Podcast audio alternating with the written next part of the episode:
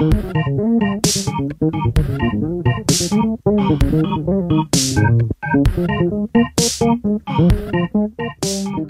què tal? Bon dia, bona vesprada o bona nit, sense importar quan els estigueu escoltant, i benvinguts i benvingudes a un altre episodi de Ressona, efectivament, el podcast de la revista Sos de Xaló. Salutacions de jo, Vlad, qui te parla, i la meva companya Laura. Hola. Hola. I ens acompanya un altre convidat molt especial, ens acompanya Arnau. Què tal? Com estàs? Hola, moltes gràcies per tindre'm. La veritat que, que ara, bueno, pues amb molta feina, no? Perquè estic en setmanes de promoció de, del primer disc, Waiting for the Aftermath. Ahí està, ahí està. estàs. Diríem, diríem que estàs pràcticament en el, en l'inici, en eixa, en eixa, en eixe començament de lo que diríem de la, de la carrera, el qual està, està genial. I doncs, uh, mira, anem, uh, anem a començar un poquet. Pues mira, conta'ns, Eh, com ha sigut el procés de preparar aquest disc? Perquè al final una cosa és treure cançons, una altra cosa entenc que és treballar sobre un LP sencer, que suposa que serà molt diferent. Sí, vull dir, per mi tot això ha sigut i està sent un aprenentatge molt gran. Eh, és el primer projecte a nivell professional eh, que trec i, i doncs sí, va començar um, el 2020 és quan, quan realment va començar, perquè de fet és, és ah, o sigui, arrel de d'uns anys on jo vaig estar estudiant a l'estranger, a Anglaterra, eh, vaig tindre la idea no, d'agafar un conjunt de cançons, de fet són vuit, i presentar-les en, en un format de, del meu primer àlbum. No? Llavors sí que va ser una mica, al principi una mica complicat perquè va passar tot el tema de la pandèmia, jo vaig entrar a estudi al setembre del 2020, quan encara les coses eh, eren complicades, s'havia d'anar amb precaucions i amb moltes mesures, però bueno, vam, vam gravar les instrumentals i, i arrel d'aquí no van començar a sorgir tot d'aspectes com ara, per exemple, la selecció de, de tres singles, que va ser Cloud9, Running Far Away Percent, i um, i sí que des d'un inici ja la meva idea era acabar com tot aquest procés no? d'aquest projecte amb, amb el llançament d'aquest primer àlbum que és Waiting for the Aftermath. Mm -hmm. O sigui que sí, un procés llarg, no? però, però molt interessant, com a mínim per mi, per, per ser el primer, el primer projecte a nivell professional que trec. O sigui, va començar en Anglaterra la gravació? Sí, bueno, de fet, jo vaig... O sigui, jo fa que molts anys que estudio música, um, als 12 anys vaig començar a estudiar piano, als 15 anys ja vaig començar a estudiar cant i no he parat de formar-me. I quan vaig acabar batxillerat, que, que va ser el moment no, com de, de decidir realment si, si volia tirar cap a, cap a la música eh, a nivell professional, vaig estar preparant-me per poder anar a estudiar a Anglaterra a la carrera universitària i bueno, vaig estar preparant-me, vaig poder entrar, vaig anar a Anglaterra i durant els anys que, bueno, durant aquest temps no, que vaig estar a Anglaterra, em van sorgir no, aquestes, un, un, un recapitulació, o sigui, una recapitulació de, de cançons uh, en anglès que, que la majoria formen part no, d'aquest primer disc. Però sí, sí, de fet, va ser entre Anglaterra i quan vaig tornar que, que ja vaig poder fer com aquest tancament d'aquest repertori per, per aquest primer àlbum. Clar, o sigui, al final les lletres són en anglès perquè per, perquè te'n vas anar allà a Anglaterra, no? Sí, jo crec que és una mica el fet que per context estava a Anglaterra i, i també era com molt, molt, molt el bagatge musical que jo porto a sobre. No? Des de ben petit, jo a casa meva, um, totes les influències que he tingut a nivell musical han sigut majoritàriament de parla anglesa, com pot ser Bruce Springsteen, David Bowie, eh, Lou Reed, Roy Orbison, Whitney Houston, Elton John, no? Tots aquests referents eh, de la indústria musical que al final, no, des de ben petit jo he estat escoltant i, i m'han influenciat molt. I si a més a més, eh, com dius tu, Laura, li sumes al fet de que jo vaig anar a Anglaterra a estudiar música, doncs jo crec que, que va fer una mica... Eh, va ser la raó no, pel qual vaig tirar en, en fer aquest primer disc en anglès. Hòstia, doncs moltes, moltes referències així de, de pop rock més clàssic, no? Perquè, sí, bueno, jo crec que, que sempre una de les coses que crec que està molt bé, um, com a mínim a nivell musical, és és veure no, tot el bagatge de, de referències que un té i a mi sempre em passa um, que tinc les referències potser de quan era més petit, que són aquests, aquestes referències que, que us he dit, i després ja de més grans no, em, vas descobrint artistes més pop, que de fet l'àlbum aquest és un àlbum pop, en els quals jo m'he inspirat i, i, i bueno, m'han encantat des d'un inici, no? Vull dir, jo artistes com l'Adele, Lord, Harry Styles, eh, mm -hmm. et podria dir molts més, no? Però, però vull dir, artistes, diguéssim, que estan um, avui patant a nivell, a nivell musical, eh, són el que al final no, fan aquest, aquest conjunt de referències per, per poder treure un disc. Mm -hmm. Clar, nosaltres quan trobem, diguem, artistes valencians o artistes que, perquè al final la revista és eh, d'ací de, del País Valencià o artistes, de, o artistes catalans que fan música, per exemple, en anglès, jo la pregunta que sol sempre plantejar és tu el que és l'eixida de la, de la, de la tua música, de la base d'oients, diries que se troba més fora i pot ser per això el, el tema de fer-la en anglès o és purament per les referències? No sé, com, com veus tu tot el tema de, diguem, l'escena o el mercat, entre cometes? Sí, és, és curiós, no? Perquè depèn molt, depèn, eh, depèn molt de l'artista i, i de quin sigui el seu plantejament. En el meu cas, eh, a nivell personal, sí que és cert que, que era una cosa que volia fer eh, sobretot per aquest bagatge que tinc amb, amb l'anglès.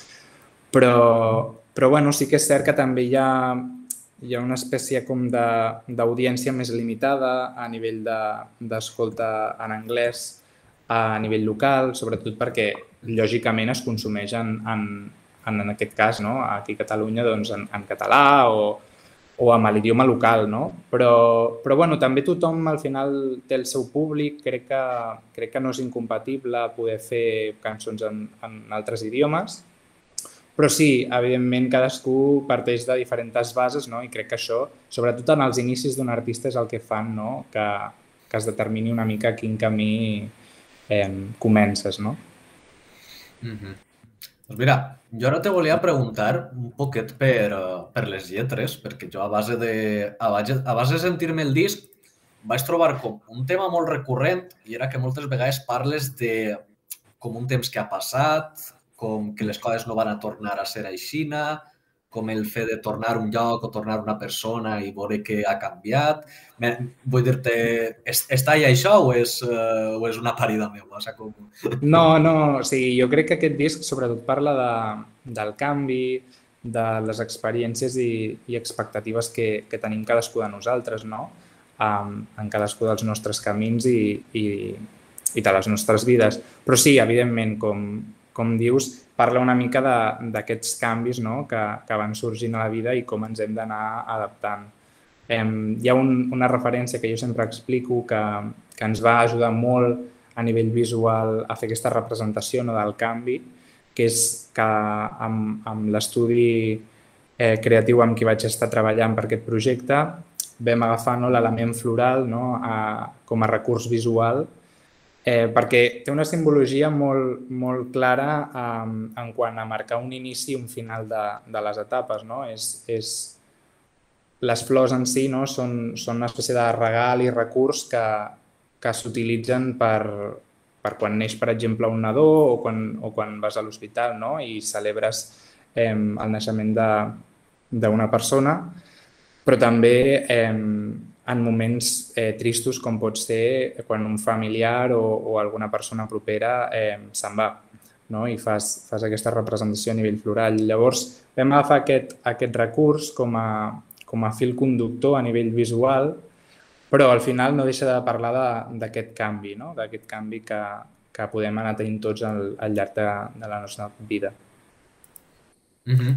I això té, tens un poc de, de, de la teva experiència vital, imagina, perquè realment són com unes lletres que semblen com molt, molt introspectives, no? Mm -hmm. Sí, o sigui, crec que el, el repertori és una mica variat en quant a, potser a nivell musical, perquè, bueno, vaig intentar que, que cada cançó no, tingués una espècie com de camí i, i un estil. Um, doncs, per exemple, el tercer single que va ser Percent no? té aquesta base més pop funky, que és la més moguda del disc, uh -huh. que de fet és una mica contradictori, no? perquè és com la més animada, no? però, però parla de, de la normalització del consum d'alcohol en, en la gent jove per passar-s'ho bé. No? Eh, i, i altres cançons, no? com per exemple el primer single, que va ser Cloud9, que és com més el, el, la primera cançó que va ser com més pop, amb, amb una mica de soft rock, que parla més, diguéssim, del tema de les expectatives que tenim i, i una mica el, el tema d'acceptar el canvi, no? Eh, i que formi part del canvi. Però sí, sí, és com molt, molt introspectiu, molt de reflexionar. Crec que al final són cançons que, que sorgeixen d'això, no? d'una una, una sèrie d'observacions eh, que he pogut tindre jo o que he pogut veure en altra gent propera a mi i a les quals he volgut plasmar no, en, aquest, en aquest recapitulatori de, de vuit cançons. O sigui que sí, sí. I en quant a l'estil musical, a lo millor no, no vols encasillar-te en no sé si, vols, si tu diries que tens algun estil musical, però si no és quin és el so que tu vols aconseguir? Doncs jo uh, sóc un enamorat del pop, Vull dir, no me n'avergonyeixo gens, eh, però sí que és cert que, que al final, pel, pel bagatge musical no, que dèiem, eh, he tingut la sort de poder escoltar molts estils musicals diferents i potser anar incorporant elements de, de diferents estils musicals um, a les meves cançons. No? Jo diria que sí que em trobo molt còmode en, en el pop, però, uh, com he dit, per exemple, en els tres primers singles es veu molt clarament no?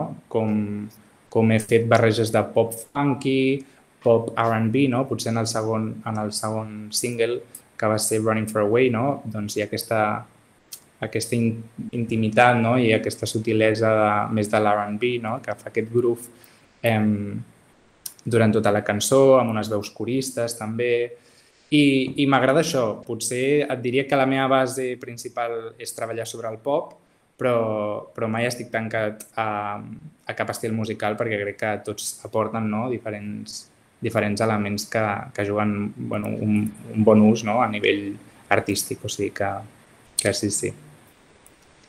I eh, quina rebuda ha tingut l'àlbum? Estàs content?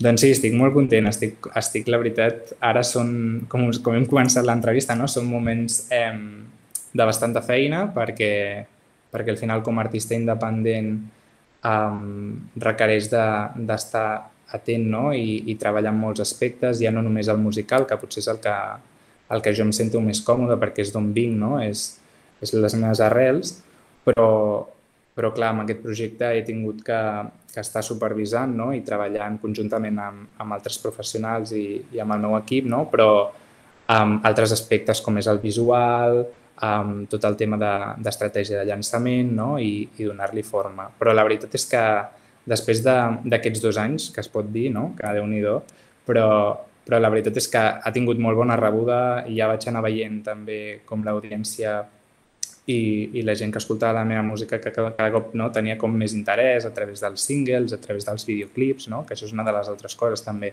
Per cada, per cada single hem fet eh, un vídeo líric un videoclip, que l'acompanyés, no? que, que representés a nivell visual les cançons, fins ara que hem arribat al moment no? de, del llançament de, de l'àlbum, que la veritat és que està tenint molt bona rebuda. Ara, sobretot dintre de, de dos dies, faré la presentació de, de l'àlbum a una sala aquí a Barcelona, a la Textil, i, i doncs molt feliç, la veritat, de poder tindre l'oportunitat de presentar aquest primer disc, de que hi hagin també mitjans que, que s'estiguin interessant per artistes emergents com, com sóc jo i, i doncs això, gaudint de, del moment, la veritat.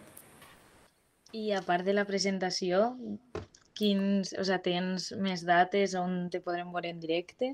Ara, de moment, sobretot el que volíem focalitzar és amb, amb la presentació a Barcelona, sobretot mm. perquè també volem veure no, com és el, el format en directe. L'hem estat preparant des de, des de fa temps, però, però bueno, sempre és un repte, sempre agafa no, una, unes altres eh, formes quan fas una presentació en directe i, a, i arrel d'aquí, quan haguem fet la presentació, eh, doncs ja estem mirant altres dates, altres espais, encara no, està, no estan coses tancades, no? però, però la veritat amb moltes ganes també de, de poder allargar el recorregut a nivell, a nivell directes no? d'aquest primer àlbum.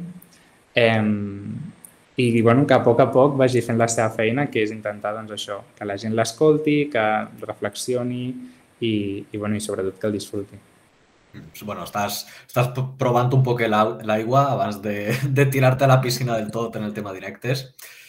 Però bé, mira, així i tot esperem a veure si te ve gent justament per així en alguna, en alguna sala de, del País Valencià. Sí, i tant, em faria moltíssima il·lusió, la veritat. Estaria genial. I doncs eh, això és tot per ara. Moltíssimes gràcies doncs, per acompanyar-nos en este, en este ratet. No, home, no, vosaltres. Moltes gràcies. I també, doncs, moltes gràcies a qui siga que ens estigueu escoltant i això és tot per ara. Fins uh, d'ací dues setmanes. Adeu. Adeu. calendaris i ones gegantines centrifuguen els desemparats no me les pares que en el que callen els telediaris jo sóc terrorista o de l'imperi del mal i tal, així. Així! Ara i ser i no ser la doctrina del sistema, que ja no és ser con i tan sols